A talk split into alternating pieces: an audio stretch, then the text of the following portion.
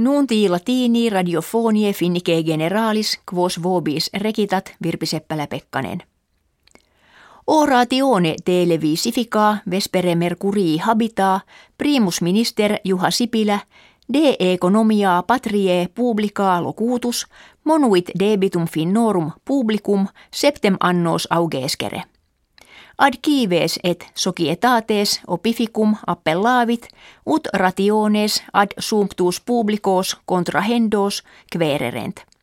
Petivit ut kives renovationes a regimine propositas patienter acciperent.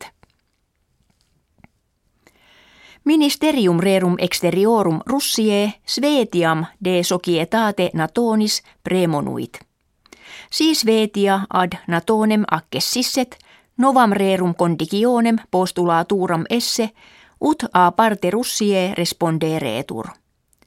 Svetikvidem non sunt militariter federatii, sed moderatores factionis centralis et democratarum Christianorum societatem cum natone sustinere geperunt.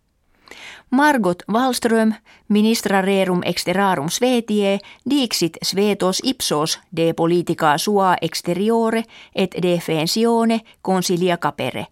Neque esse comprobandum, quod Russia Svetie minitaretur.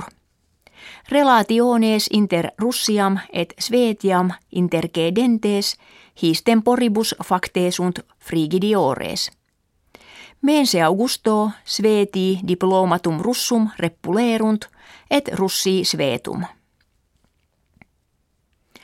In ecclesia catholica matrimonium est insolubile, sed certis de causis dissolvi sive abrogari potest.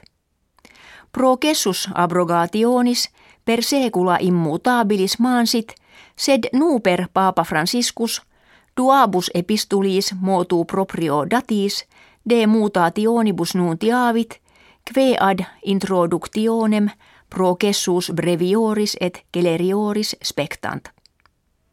Ut rique epistule jam die assumptionis Mariae subscripsit, sed desideravit, ut die nativitatis Mariae publica rentur. Post hac matrimonium ut raque parte volente statim abrogari poterit, cum antea abrogatio multos annos duraret. Nunc etiam gratuita esse debet. Postquam papa benedictus quartus decimus abrogationem renovavit mutationes in illa facte non sunt.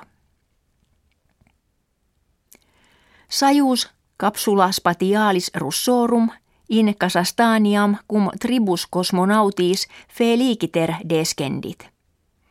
Unus ex his erat Gennadi Padalka russus, kosmonauta veteranus, qui in spatio diutius fuit quam quisquam ante eum, nam quinque volatibus factis, octingentos unde octoginta dies in statione siderali versatus est. Andreas Camilleri, auctor fabularum criminalium sicilianus, nuper nonaginta annos complevit. Famam internationalem libris de commissario Montalbano obtinuit, ex quibus novissimus hoc anno editus est. Pellicule televisifice ex his libris facte in quibus primam personam agit Lucas Zingaretti – sunt etiam infinia celeberrime. Loca sicilie in quibus pellicule facte sunt, ut platea principalis raguse veteris, et domus commissarii in lingula sikkaa sitä toribus ostenduntur. Camilleri ut in colloquio televisifico die natali narravit, cotidie scribere pergit. Libri eius magnam partem lingua siculorum scripti sunt, qua se etiam cogitare affirmavit. Nuuntis latinis ita recitatis gratias auscultatoribus agimus et valedicimus.